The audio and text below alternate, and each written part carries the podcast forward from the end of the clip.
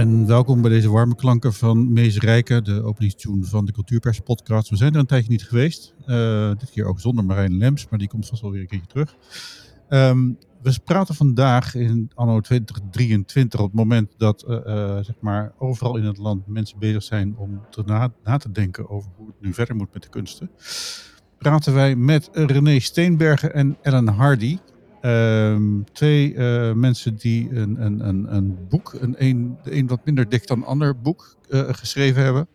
Over, uh, de, de, over hoe, wat er mis is met, um, met, met de kunsten. En eigenlijk ook wel met subsidiëring. Maar misschien kunnen, kunnen ze dat beter even zelf zeggen. René Steenberg, jij hebt geschreven De kunst van anders. Ja, Vertel, waar met, gaat... met als ondertitel zes voorstellen voor culturele innovatie. Nou, de aanleiding was natuurlijk uh, de coronacrisis. Um, en als onderzoeksjournalist denk je dan meteen dat ga ik volgen. En dan weet je nog niet dat het een paar jaar gaat duren.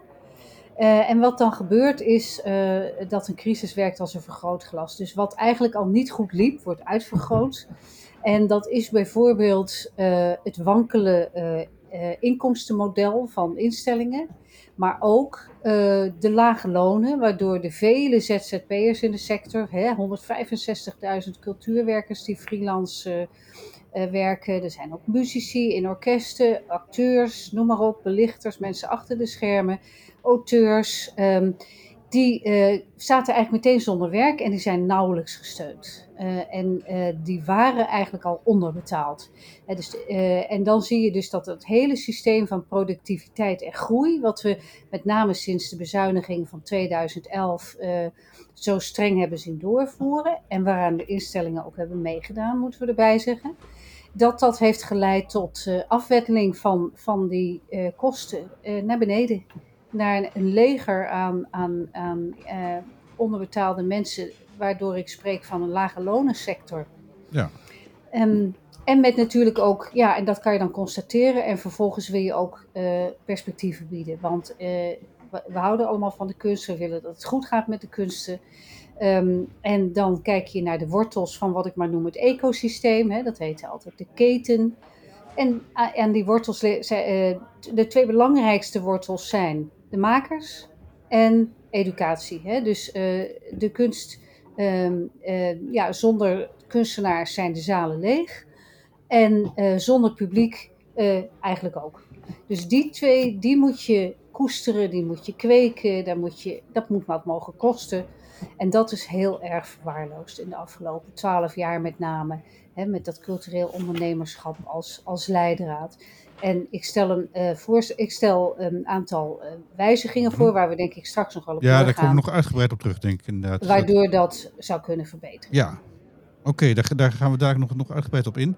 Uh, even nog even voor, voor de luisteraars die jou verder niet kennen. Jij bent journalist, maar, want jij schrijft veel, je hebt ook op Cultuurpers een paar artikelen gepubliceerd over deze zaken. We hebben uitgebreid gesproken in de aanloop van jouw boek over een aantal heikele punten in, in, in het veld.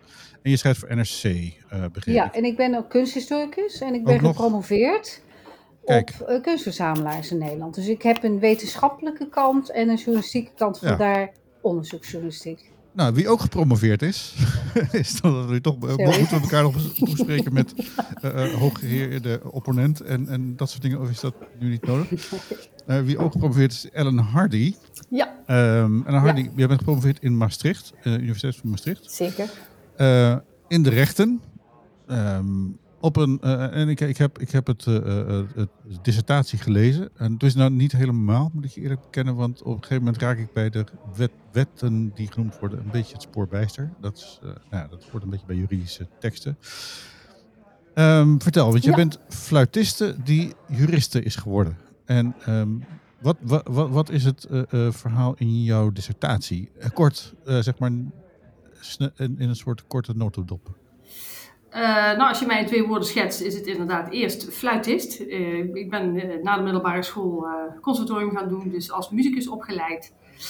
en toen ehm, vervolgens rechten gestudeerd, ehm, heel lang gewerkt als docent aan de Universiteit van Maastricht. En um, tijdens dat werk ben ik nog een hele tijd, ik heb een hele lange tijd gecombineerd als kamermuzikus. En toen liep ik tegen een aantal dingen aan. Je gaat met twee brillen kijken. Je gaat vooral met een juridische bril ook naar je muziekvak kijken en naar de organisatie daarvan. Mijn eindscriptie ging over het subsidieinstrument. En dat was een beetje de trigger om te kijken naar financiering door de overheid van de cultuursector. En ik ontdekte al vrij snel dat die cultuursector subsidieafhankelijk is. En als je het woord subsidie gebruikt, zit je juridisch altijd met de overheid als tegenpartij. Want het is de overheid die subsidieert en uh, ja, niet-overheden kunnen niet subsidiëren in juridische zin. Als je subsidieert, zit je in het bestuursrecht. En dat is het recht dat de rechtsverhouding regelt tussen burger en overheid. Dat recht biedt aan burgers behoorlijk veel waarborgen. Uh, dat wil dus ook zeggen dat je als muzikus best veel rechten aan dat recht kunt ontlenen. Dus zodra je te maken hebt met subsidies, zit je juridisch in de comfortabele -hmm. hoek. Dus dat, dat, dat, dat zullen niet heel veel mensen beamen die subsidie uh, krijgen, denk ik. nee, dat, dat snap ik helemaal. Ik ben gaan kijken van, goh, uh, maar ik zie dat het schuurt. Dus op, op zichzelf is het bestuursrecht een aangenaam rechtsgebied. Dat is er ook om ongelijkheidscompensatie te bieden. Om die, die nou ja, noem het maar, die, die eenzame burger tegen die machtige overheid toch een zekere compensatie te bieden. Zo is dat rechtsgebied ingericht. Maar de cultuursector profiteert daar weinig van. En langzamerhand ben ik gaan onderzoeken via verschillende artikelen van waar zit hem dat nou in, uh, waar zitten de knelpunten. En uiteindelijk heeft dat geleid tot een proefschrift dat ik inderdaad op 2 maart jongsleden heb verdedigd. Met als titel De kunst van het financieren, financiering van de kunst. En de ondertitel is Juridische knelpunten bij overheidsfinanciering van kunst en cultuur. Ja. Kan je vier van die. Want je had volgens mij vier knelpunten uiteindelijk. Uh, want, René heeft zes actiepunten volgens mij. Je hebt vier knelpunten. Laat, laten we even, even met jou, nu, nu we toch jou aan, aan het woord hebben, Ellen. Ja. ja het, op zich namelijk vond ik het wel interessant, want er blijkt echt wel heel veel mis te zijn. Ja, ja, veel meer dan ik aanvankelijk had gedacht. En ik moet ook zeggen dat ook onder juristen heeft dit proefschrift nu al tot verbazing geleid van, goh, heeft die sector daar zoveel last van en hoe, hoe kan het toch dat het zo schuurt en wringt? Uh, we komen daar ja. vast nog uh, over te spreken vanmiddag, maar een aantal knelpunten uh, zijn, nou ja, het allerbelangrijkste knelpunt is de schaarste. Je hebt een oververdeling van schaarse middelen dan hangt het er vanaf welke verdeelprocedure je gebruikt om die schaarse middelen te verdelen. En daar komt bij dat in 2018 uh, hele strenge jurisprudentie is gewezen over allerlei verdeelmethoden van schaarse middelen. En dan praat je niet alleen over subsidies, maar ook over vergunningen bijvoorbeeld. Dus er zijn veel meer schaarse middelen waar wij als burger ten opzichte van de overheid allemaal last van kunnen hebben. Als er maar één vergunning wordt uitgegeven terwijl er meerdere gegadigden zijn bijvoorbeeld. Dus over de verdeelsystematiek is juridisch de laatste jaren erg goed nagedacht. Dat staat sterk in de belangstelling. Verdeling van schaarse middelen. En toen ik daar de loep op legde voor de meest geliefde cultuursubsidies, en dan moet je toch denken aan de BIS-subsidies en de vierjarige voor, voor, voor, voor de, de, de, de luisteraar. Nou, nou zijn de meeste luisteraars redelijk goed ingevoerd hier in dit uh, verhaal. Ja. Maar de BIS, de basisinfrastructuur. dus dat zijn de, de vierjarige uh, eredivisie. Dat mogen we niet zo noemen ja. trouwens, volgens de uh, subsidiënt, want het is gewoon een vierjarige subsidie. Je bent niet beter ja, wanneer ja. je bij het Fonds Podiumkunsten zit. Uh, want, ja, zeggen nee, ze. nee, maar uh, ja, goed. Maar ik denk ja. indirect is, nou, voelt het wel een klein beetje zo voor, voor de gegadigden en, en met name voor degene die afgewezen wordt. Maar um, ja, ik, ik heb daar de loep op gelegd, zowel op de regelingen als op de verdeelmethode en ook op de rol van de Raad van Cultuur. Want juist bij de verdeling van cultuursubsidies worden deskundigen ingeschakeld om de aanvragen te beoordelen. En daar heb ik ook al wat knelpunten gezien. Dus mijn stapeltje knelpunten werd in de loop der jaren steeds groter. En als je dan kijkt naar de brillen die ik opzette, dan is dat punt 1 de schaarste van de te verdelen middelen. 2 wordt dan de verdeelmethoden. 3 kun je zeggen de regels die daarvoor geschreven worden. En een deel van die regels mogen door de subsidieverstrekkers zelf geschreven worden. Want zij schrijven nader uit aan welke criteria het moet voldoen en, en wat allemaal tijdens die verdeelprocedure gebeurt. En vier, um, last but uh, definitely not least, de deskundigen. Daar zie ik ook heel ja. veel problemen mee. Want uh, uh, om maar even gelijk op door te gaan, want dat is denk ik ook weer waar we weer terug mee komen naar René Steenbergen. Maar Ellen, jij noemde een voorbeeld van een, een, een aantal situaties waarin de, de onafhankelijkheid van de deskundige ter discussie stond. Ik bedoel, een van de zaken hebben wij op Cultuurpers ook behandeld. Dat was de, de moeder die haar zoon die notabene in een BV subsidie aanvroeg, toch subsidie kreeg. Nou, en dat moest toen rechtgezet worden. Dit speelt in Brabant, ja. Ehm, nou ja, waar. Waar, waar ook weer bepaalde gro grote families op heel veel plekken zitten.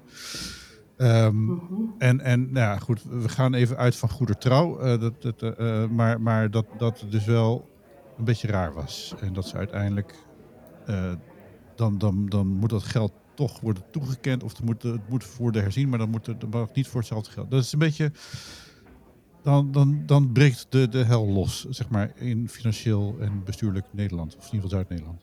Ja, ja, plus dat het natuurlijk heel veel geld kost. Wat daar gebeurde was dat er een, een verdeelronde, verdeelprocedure was afgerond. Uh, juridisch hebben de gehonoreerden dan recht op het uh, subsidiebedrag dat aan hen wordt toegekend. Maar de afgewezenen die gaan vervolgens procederen. Er was één, uh, het is met één begonnen en nou ja, dat werd een hele, hele blik aan afgewezenen. Dat heeft te maken met het feit dat er verdeeld is via een tender. Bij tenders krijg je onderlinge vergelijking dan worden de aanvragers in een rangschikking geplaatst. En um, het budget was beslist niet toereikend. Ik meen dat het in totaal is van 68 waren die uh, een aanvraag voor die ronde hadden ingediend. En ongeveer de helft, daar was geld voor. Dus die zaaglijn zat ongeveer op de helft. En met name de instellingen, de afgewezen instellingen net onder die zaaglijn, die zijn bezwaar gemaakt en naar de hand ook beroep gaan uh, instellen. En um, ja, toen bleek toch wel heel snel dat er iets niet in de haak was met de deskundige commissie. Dat daar onder andere belangenverstrengeling in zat, maar er was ook uh, ja, veel te weinig oog geweest voor de procedure die de deskundigen hadden gevolgd. Hoe transparant ben je? Heb je je overlegvergaderingen genotuleerd? Um, nou ja, daar, daar, meer aan de hand dan alleen die familierelatie. Maar al snel bleek dus dat dat niet door de beugel kon. Wat gebeurt er dan? dan vallen eigenlijk alle besluiten om. Maar juridisch ga je niet meer tornen aan die gehonoreerde aanvragen. Dat mag niet over de band van de rechtszekerheid. Ja. Dus er was eigenlijk al een heel budget verdeeld. Die hingen allemaal de vlag uit en die konden voort met hun producties en hun plannen gaan uitvoeren die gehonoreerd waren. Maar de 38 afgewezenen, um, ja, de provincie heeft daar best mee geworsteld, heb ik begrepen. Ik heb het ook maar uit de krant. Maar uiteindelijk hebben ze een nieuwe adviescommissie ingesteld, volledig nieuw. Die heeft alle aanvragen opnieuw bekeken en die kwamen tot een volstrekt andere rangschikking. Niet 100% anders, maar toch substantieel anders. Dan zie je ook hoe, subjectief dat hè, is en hoe lastig het is. En toen bleek dat er een hele nieuwe club gehonoreerde aanvragen kwam. En dat kostte de provincie 3,6 miljoen extra. Ja, dat, dat, dat, dat zullen ze niet fijn gevonden hebben. Nou hebben ze op zich in Brabant nog best wel wat geld over nog van de Essent gelden. Ja. ja. dat, dat, daar weet jij dan weer alles van, René. Ja. Um, wat ook natuurlijk wel interessant is, dat, dat, dat uh, wat jij nu beschrijft, Ellen, is, is regeldruk voor, uh, ook voor overheden. Je hebt allerlei reden, uh, wetten en regels waar je aan moet houden die het dus ook gewoon een, een stroperig proces maken uiteindelijk. En, en uh, nu is het nog zo dat heel veel mensen die subsidie aanvragen niet eens weten welke regels, welke rechten ze allemaal aan hun kant hebben staan. Aan de andere kant, René Steenbergen, um, constateer jij ook dat, dat, dat zeg maar, de bureaucratische druk voor, voor, voor individuele kunstenaars gigantisch is om zeg maar, toegang te krijgen tot het systeem? Volgens mij was dat een van de dingen die jij. Uh... Ja, het, het, is een heel eenzijdig systeem. Hè? Want eigenlijk is de kunstproductie die is uh, gemonopoliseerd door de semi, wat tegenwoordig heet de semi-publieke fondsen. Dat zijn voor de beeldende kunsten het Mondriaan Fonds en voor de podiumkunsten het Fonds Podiumkunsten. Hè, die zijn verzelfstandigd, maar die voeren in feite beleid van het ministerie uit. En krijgen daar ook rechtstreeks geld van. Uh, de vermogensfondsen, hè, of dat nou bedrijfsgerelateerde zijn of individuele fondsen, hè, bedrijfsgerelateerde zijn bijvoorbeeld VSB, hoewel Fortis niet meer bestaat, maar hè, Fonds 21 was vroeger ook aan een financiële instelling gekoppeld. En de individuele, die kennen we natuurlijk hè, onder hun eigen naam vaak, zoals de Van der Ende Foundation of Turing. Um, maar um, geen van alle um, voelen zij zich kennelijk verantwoordelijk voor de productie van kunst. Dat laten ze dus over aan de overheid. En dat maakt uh, de macht van deze twee semi-publieke fondsen buitenproportioneel groot. Ehm, het geldt overigens ook voor de cultuurwerkers. Hè? Dus ik noemde ze net al. Hè? Dus de uitvoerende kunstenaars, maar ook de mensen achter de schermen en de freelance curatoren en auteurs enzovoort. Die kunnen ook niet bij de fondsen aanvragen.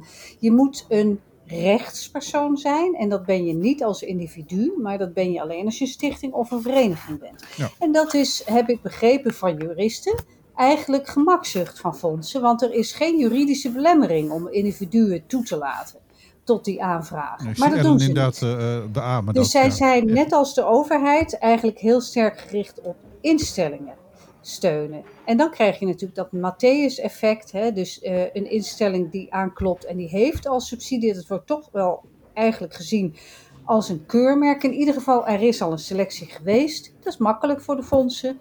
Dus dat kunnen ze doorwuiven. En ze hebben vaak ook niet voldoende mensen of niet de juiste mensen in huis om iedere uh, aanvraag ook kwalitatief te beoordelen op de kunstkwaliteit. Ja, het Matthäus-effect even voor, voor de, ja, de, de dat is dat, de, uh, op Neem het Rijksmuseum, krijgt ruim 35, geloof 38 miljoen van het Rijk. Uh, hè, dus dat, die behoort tot de meest gesubsidieerde instelling die we hebben in Nederland. Dat is ook ons Nationale Museum voor Kunst en Geschiedenis. Net als opera en ballet. Hè, dat, die, dat zijn de grote happen uit de Rijksbegroting voor cultuur.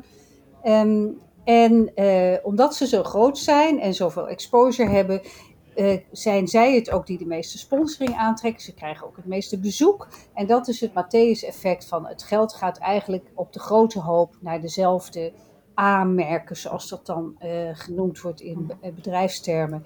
En um, de kleinere en middelgrote, die hebben veel meer moeite om en subsidie binnen te halen en sponsoring. En uh, ze zijn omdat naar hun formaat ook vaak minder in staat om heel veel bezoek te trekken. Ja, ja een, een miljonair haalt per, bij crowdfunding meer geld op dan een arme sloeber in bijstand. Dat is, uh, ja. dat is een, een, een wetmatigheid. Um, nou, het, het, het, veld is al een beetje geschetst nu. dat we inderdaad in een tamelijk uh, ingewikkelde toestand zitten. Um, want er is nog meer aan de hand, begreep ik van Ellen, ook uh, prijzen bijvoorbeeld. Want als je dan geen subsidie ontvangt, dan kan je misschien nog wel eens een aanmerking komen voor een prijs. Dat is natuurlijk hartstikke leuk. Er zit vaak groot geldbedragen aan vast. Maar dat gaat ook niet helemaal goed, begreep ik Ellen? Ja, in die zin dat um, ik ben gaan kijken naar de, naar de rechtsvorm, naar de, de, de juridische vorm van prijzen. Omdat ik zag dat de overheid best stevig meefinanciert in tal van kunst- en cultuurprijzen. En zodra de overheid met geld zwaait, dan heb je het over publiek geld. En de hoofdregel is dat dat via subsidies zou moeten worden verstrekt. Sinds 1998 staat het instrument subsidie in de Algemene Wet Bestuursrecht. En daar ga ik verder niet over uitweiden. Maar dat betekent wel dat als de overheid dus met publiek geld, uh, de overheid publiek geld verstrekt, gaat het om belastinggeld en er zitten er hele zware waarborgen aan. Dan heet het een subsidie. En aan subsidies hangen eh, verantwoordingsplichten, transparantieplichten. Uh, kortom, wij moeten met z'n allen kunnen controleren waar het geld naartoe gaat. En dat moet in het algemeen belang worden gespendeerd. Dat zijn twee heel belangrijke elementen die daaraan kleven. Dus transparantie en uh, ja, het beoogde doel moet het algemeen belang dienen. Dat is natuurlijk heel breed, maar de overheid mag niet aan zelfverrijking doen. Mm -hmm. Winst maken is overigens niet verboden hoor. Er staat geen verbod op winst, maar dat mag niet uh, als hoofddoel nee. bovenaan staan. En ook die prijzen worden vaak weer via juries uitgedeeld van peers. Ja. Hè? Dus betrokkenen ja, deskundigen ja, uit het veld. Ja, ja, ja. En ik ben dus op een. Uh, nou, ik ben eerst maar eens gaan kijken bij welke prijzen legt de overheid uh, financieel bij. Nou, ik kwam dus uh, aanvankelijk bij 6,50. Nou, dat, het aantal werd steeds kleiner. Ik ben steeds preciezer gaan kijken van bij welke prijzen leggen ze bij? Zijn het dan geldprijzen? Want als er een prijs in natura is, dan valt het niet onder het subsidiebegrip. Het moet echt op financiën waardeerbaar zijn in de zin van op geld waardeerbaar en, en nou ja, in geld om te zetten zijn. Dus prestaties in natura zijn uitgesloten van het subsidiebegrip. Uh, die groep werd steeds kleiner, maar uiteindelijk hield ik er 121 over, waar de overheid helemaal of in overwegende mate, en dat is dan voor twee derde of meer, financieel bijdraagt. En toen dacht ik, ja, dan gaan we toch wel behoorlijk richting subsidies. Zouden die instellingen dat zelf wel weten? Ik ben ze allemaal gaan mailen en uh, nou, reglementen uitgeplozen die ik online vond. En als ik ze niet vond, heb ik ze opgevraagd. En ik geloof op vier na uiteindelijk heeft iedereen meegewerkt en iedereen vond het eigenlijk wel heel interessant om te weten hoe de vork nou in de juridische steel zat. Eh. Ja. uiteindelijk heb ik ontdekt dat je er 61 van die 121 kunt kwalificeren als subsidie. En toen ik die lijst uh, op het netvlies kreeg, dacht ik wel van nou is iedereen zich daar eigenlijk wel van bewust.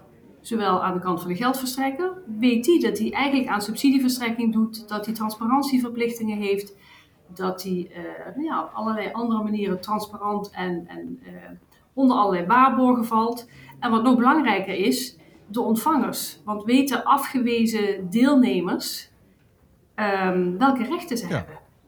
En die rechten zijn behoorlijk groot. Ja, want zeg maar, over de uitslag mag niet gecorrespondeerd worden. Wat je dus meestal ziet bij een, bij een, een slagzin of wat dan ook, die, die je moet afmaken.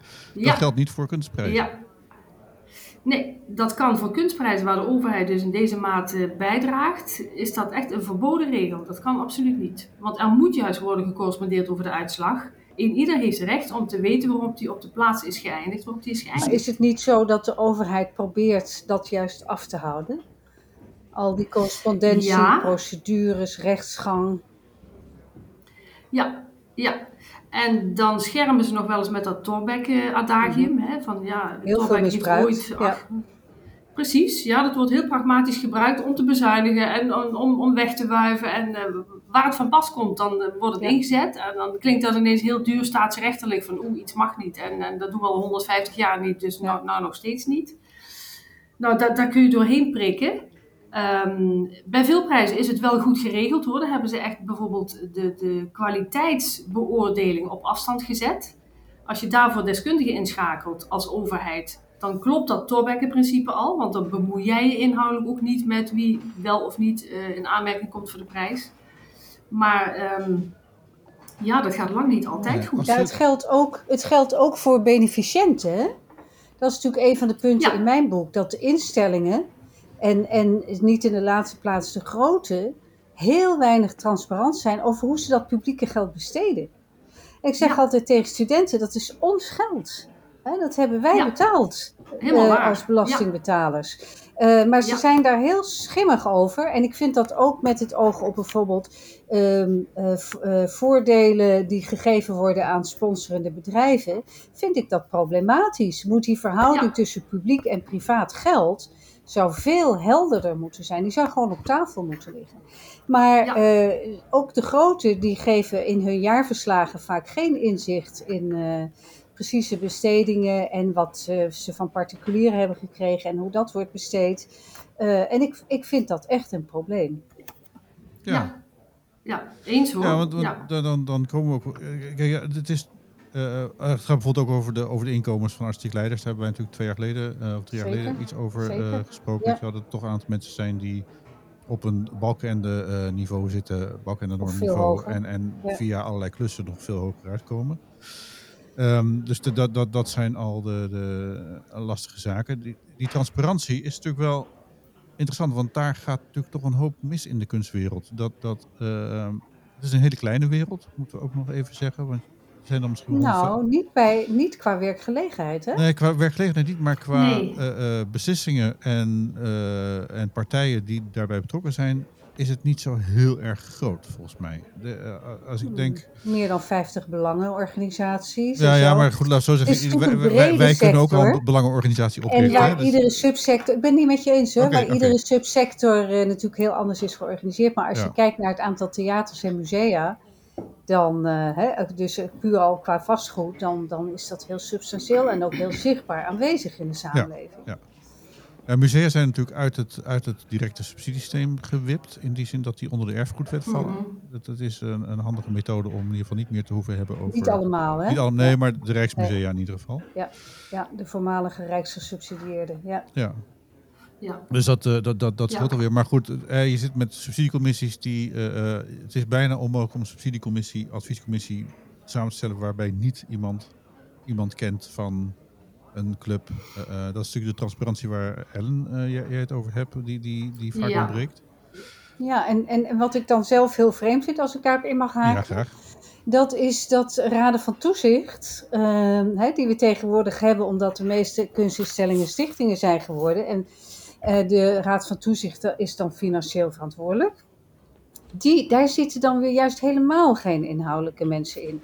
Maar vooral Mhm. mensen uit de financiële sector en juristen. Voor het netwerk ook. hè? En daar is dus de afstand tussen bestuur en inhoud is heel erg groot. Dat zijn mensen die vaak heel weinig weten van kunst en cultuur.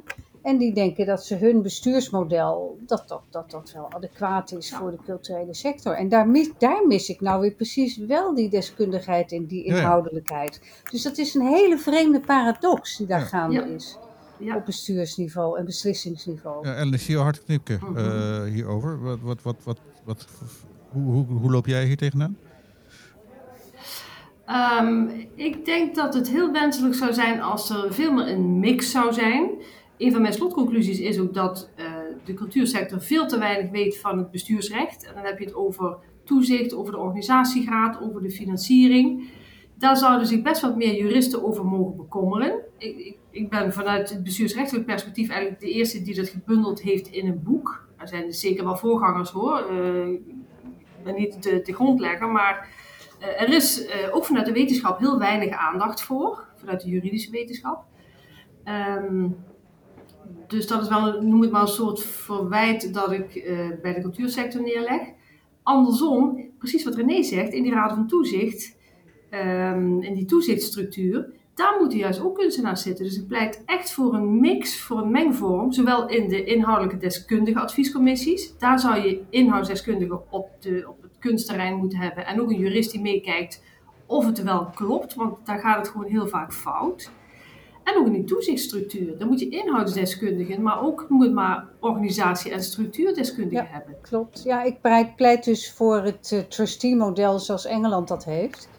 Waarbij er ook weer een toezichthouder is die kijkt naar belangenverstrengelingen, namelijk de Charity Commission. En die kan dus ook terugfluiten. Want, En wat- in sommige even- ja? gevallen dus ook eh, aan, eh, eh, als, als sanctie opleggen dat een vertegenwoordiger van de Charity Commission een paar jaar bij zo'n eh, instelling in, in de board zit die eh, zich niet aan de regels heeft gehouden. Dat is State Modern bijvoorbeeld in Londen overkomen. Die werken van een kunstenaar aankocht die ook in de Board of Trustees zat.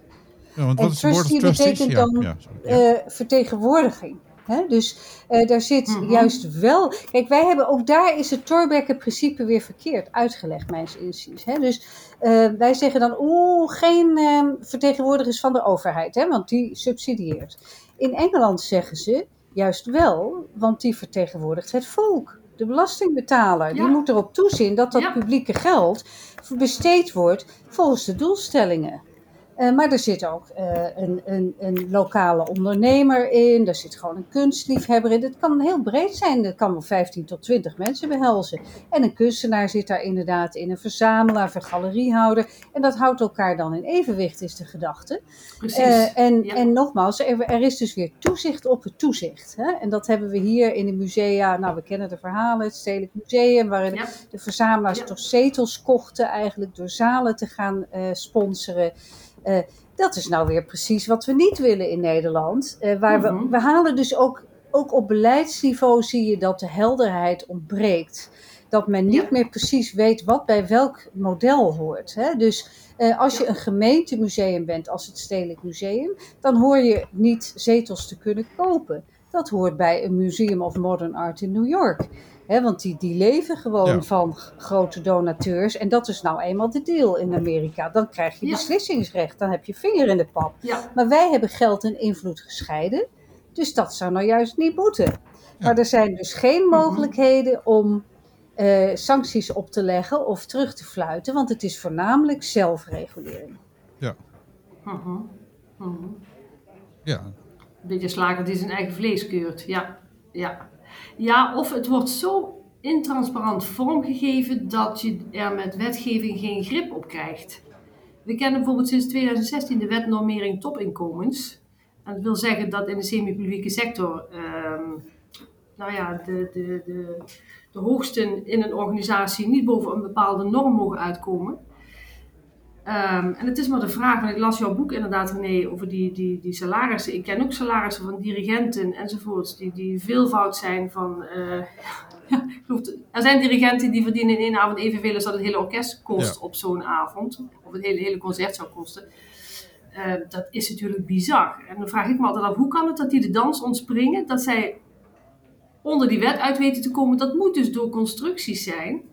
Ik kan niet anders verklaren, want het kan niet dat je op één avond zoveel verdient en dan toch onder, netjes onder die, die, die, die wet zal blijven, die dat publieke geld juist reguleert. Ja, heeft dat Ik niet denk ook... omdat ze internationaal opereren, dat ze niet onder één belastingstelsel vallen. Maar het is heel vreemd, want er wordt Ja. heel veel publiek Ja. geld voor gebruikt.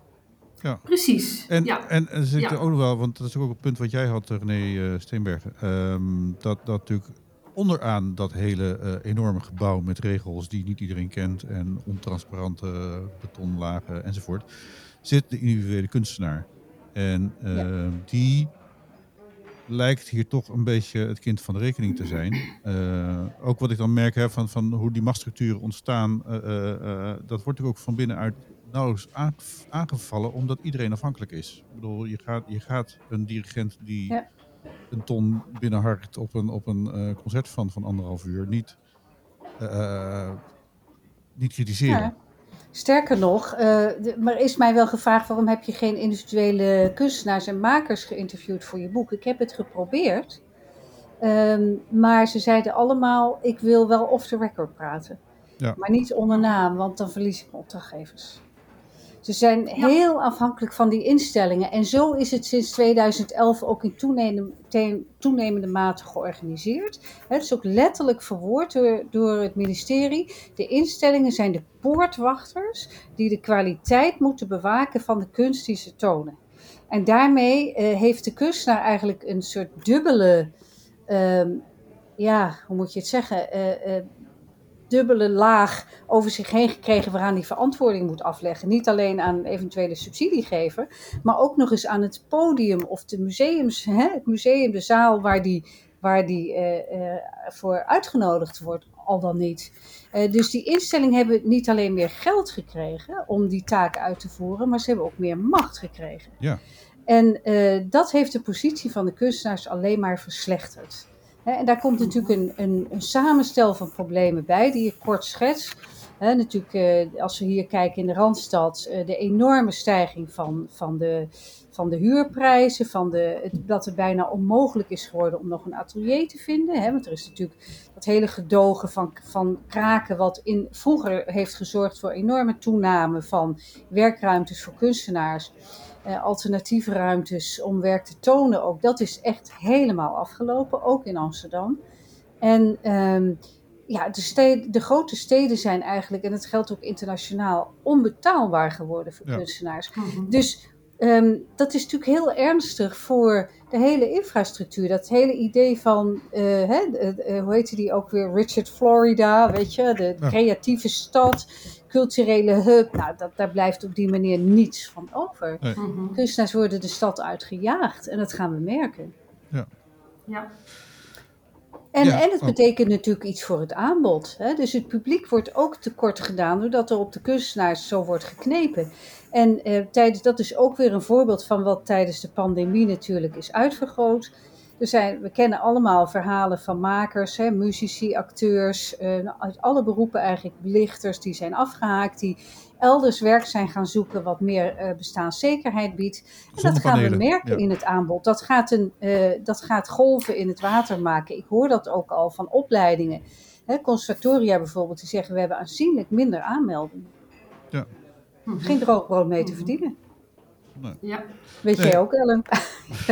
Ja. ja, nee, dat is ook zo. Ja, Ik heb in de jaren tachtig gestudeerd aan het conservatorium, maar dat, dat was toen ook een hele slechte nou ja, tijd. maar het, het, En toen waren er nog, nog muziekscholen en zo, maar die zijn intussen ook allemaal Ja. geprivatiseerd of Ja. wegbezuinigd. Nee, maar, maar om, om, want eh, ik, ik ben ook kind van de jaren 80. Wij zijn generatiegenoten, geloof ik. Dus we- de, de, dus de, de Boomer podcast. Ja. Nou nee, we zijn ik, ik ben generatie X hoor. Ja, nee, maar iedereen wordt, eh, wordt tegenwoordig boomer genoemd. Dat is, Ja. als, je, als je ouder dan 30 bent, dan ben je boomer. Dus dat, dat is een beetje... Nee, dan ben je tot Ja. 40 ben je millennial. Oh, oké. Ja, nee, Ja. Jij, jij bent beter op de hoogte dan ik. Maar eh, eh, eh, ik ben ook geen boomer, want daar, ik ben daarvoor ook te laat geboren. Maar goed, Gen, gen niks ben ik geloof ik. Nou ja, whatever.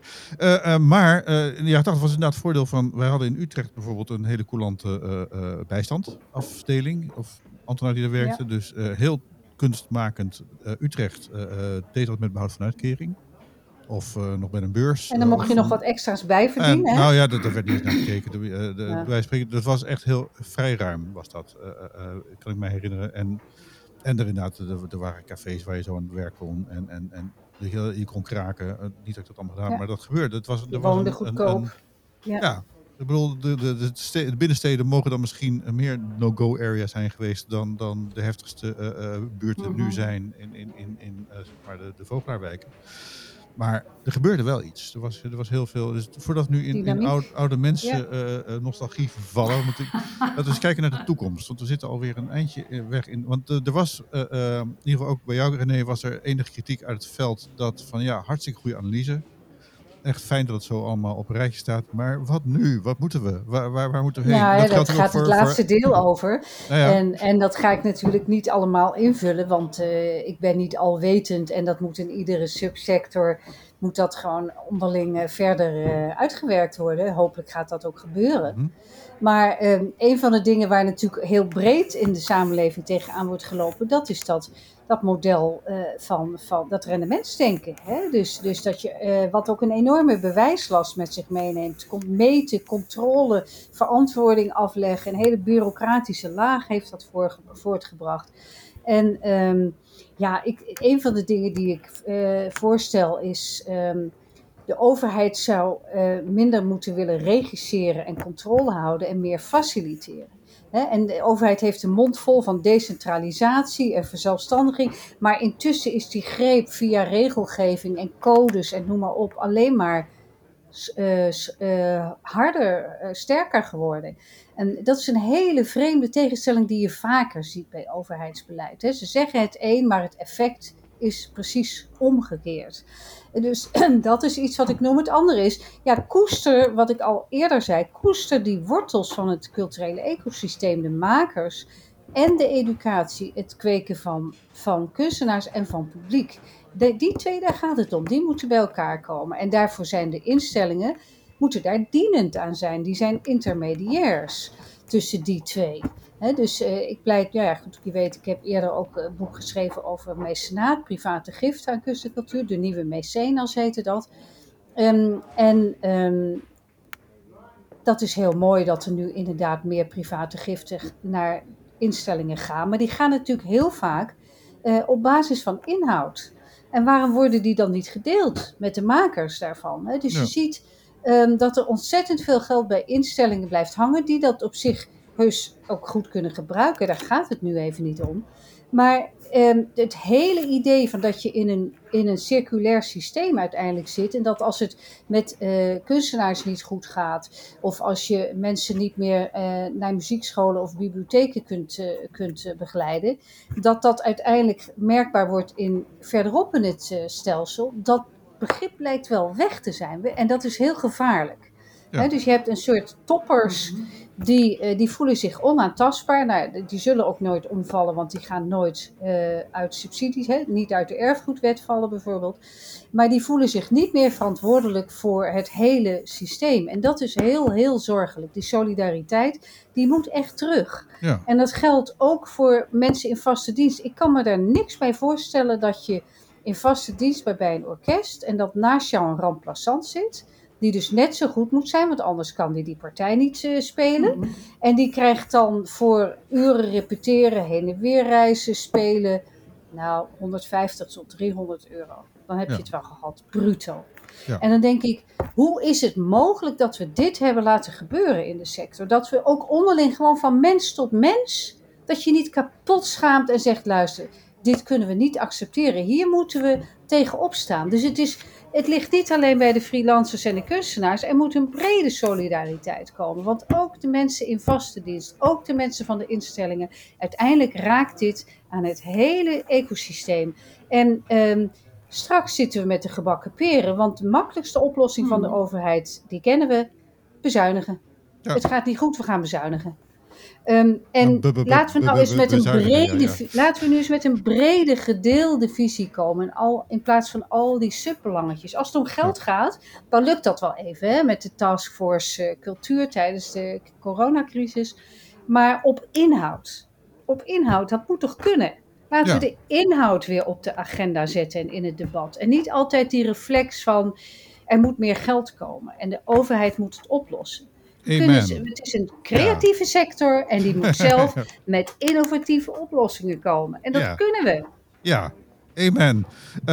Maar Zo eh, nu, zie, nu zie ik de jurist, nu zie ik de jurist eh, eh, Ellen eh, naast jou eh, zitten. Denk van ja, minder regels. eh, meer eh, eh, meer eh, gewoon doen. eh, hou- die bureaucratie weg uit het systeem. En, en jij denkt daar misschien. Hoe? Hoe? hoe, hoe?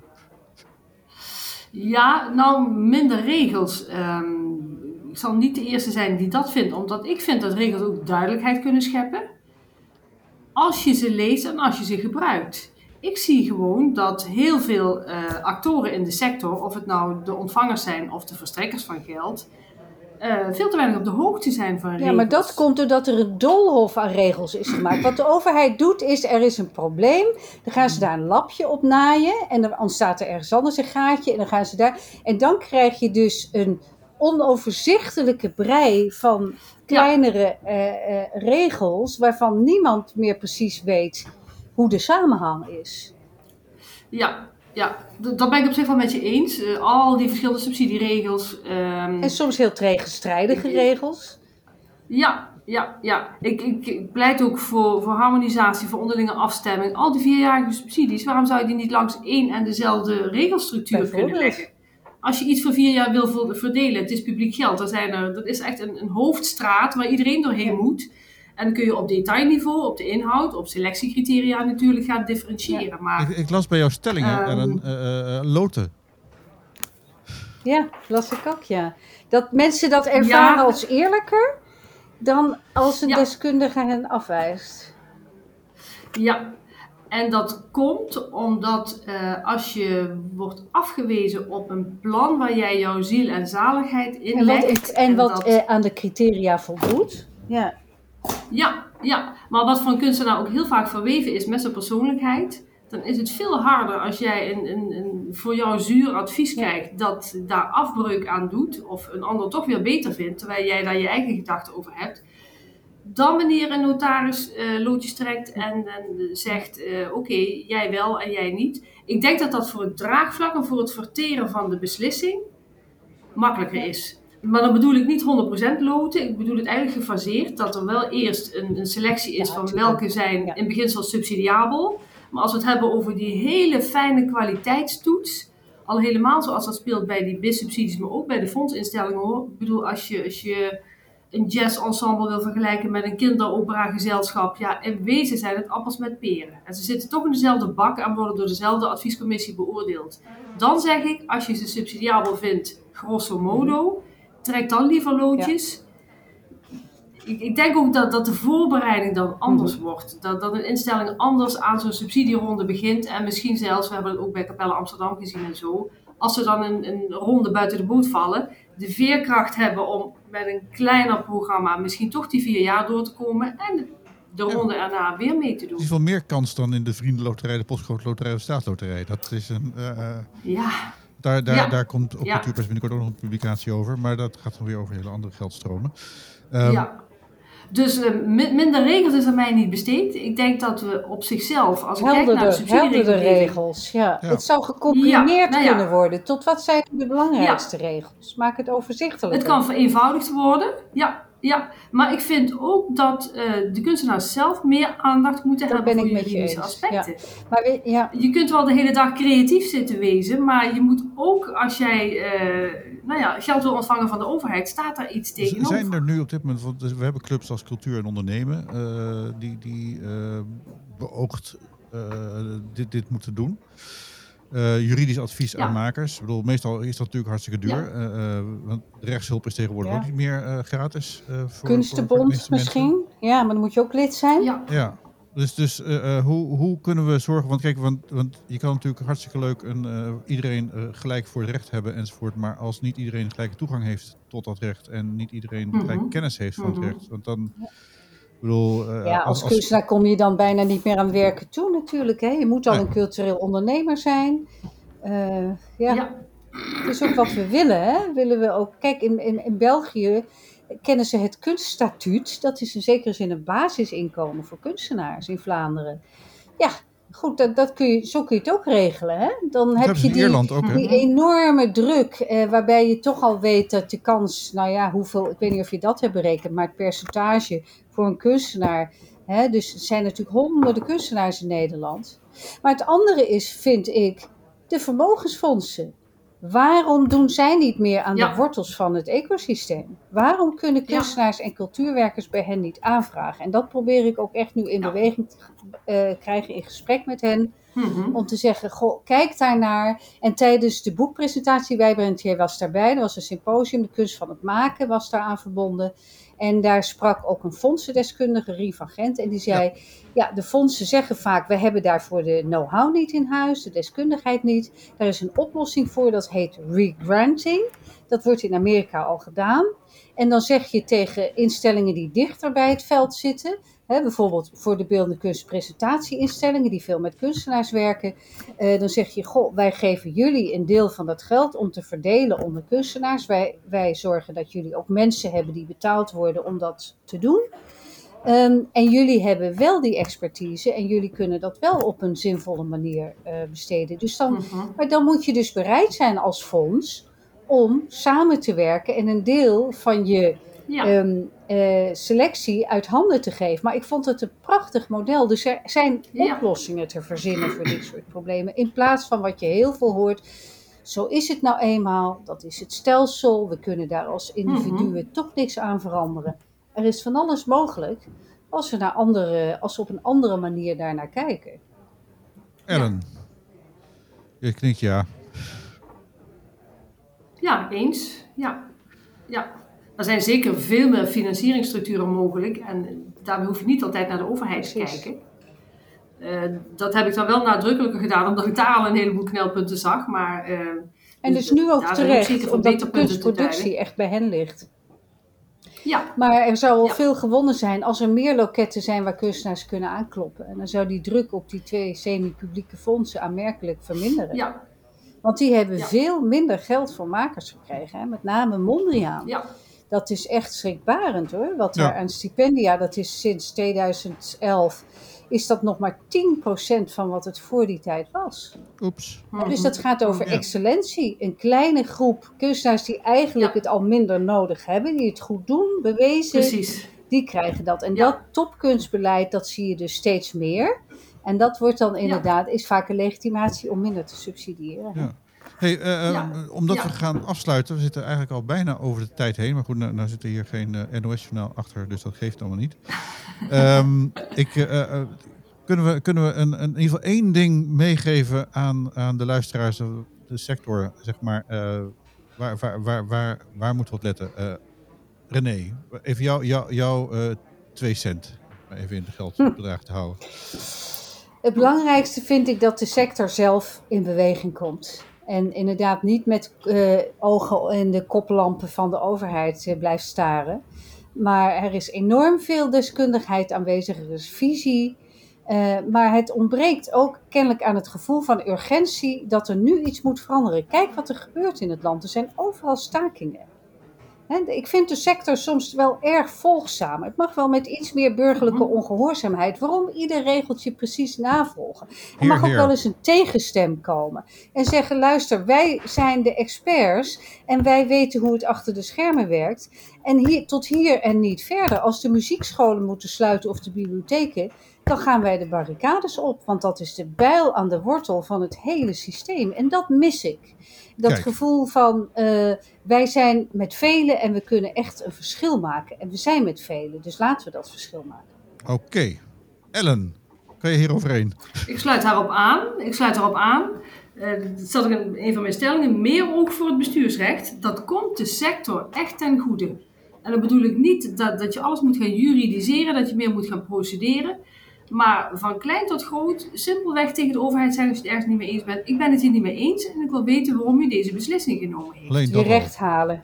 Gebruik je al. rechten. Dat zou al zo mooi zijn. Ja, Als dat, Ja. eh, Hey, eh, eh, on, on that note, zeg ik dan altijd, dat hoort er dan bij geloof ik. Ehm, dank ik jullie eh, eh, eh, heel erg hartelijk voor eh, jullie eh, ehm, Met bijdrage. Ik hoop dat we alles een beetje de revue hebben kunnen laten passeren. Want natuurlijk, eh, we, we kunnen de, de, de, de rijkwijde van de verschillende boeken niet, eh, eh, niet genoeg benadrukken. Nee, misschien breng ik je nog even in beeld. Ja, er komt ook onder, onder het artikel wat bij deze, eh, eh, eh, bij deze podcast komt, komt ook een link naar de, naar de diverse plekjes. ehm, voor, waar waar Ja.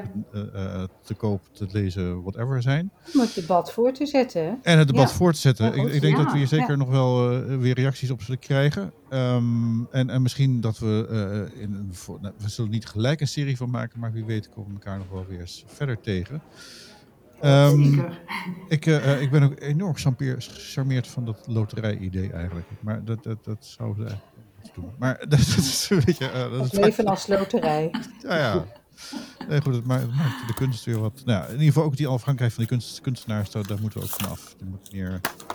Nou, goed. Ik gooi de eindtune erin. Eh, eerst nog even een kleine oproep voor eh, onze eigen funding. Ehm, dan weet je Ben dat. jij blij met deze podcast? Laat het dan merken met een kleine donatie. Kijk op www.cultureelpersbureau.nl slash doneren en maak ons gelukkig. Dus www.cultureelpersbureau.nl schuine streep doneren.